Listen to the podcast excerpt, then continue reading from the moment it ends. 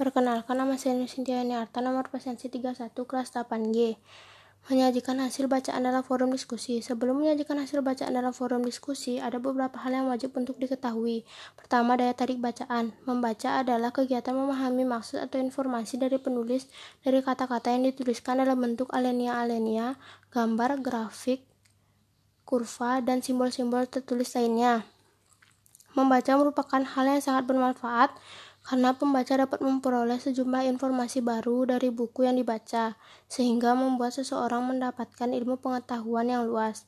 2. Berdiskusi tentang isi buku. Diskusi adalah salah satu bentuk kegiatan bicara dengan pertukaran pikiran, gagasan yang terdiri atas dua orang atau lebih secara lisan untuk mencari kesepakatan atau kesepahaman gagasan atau pendapat.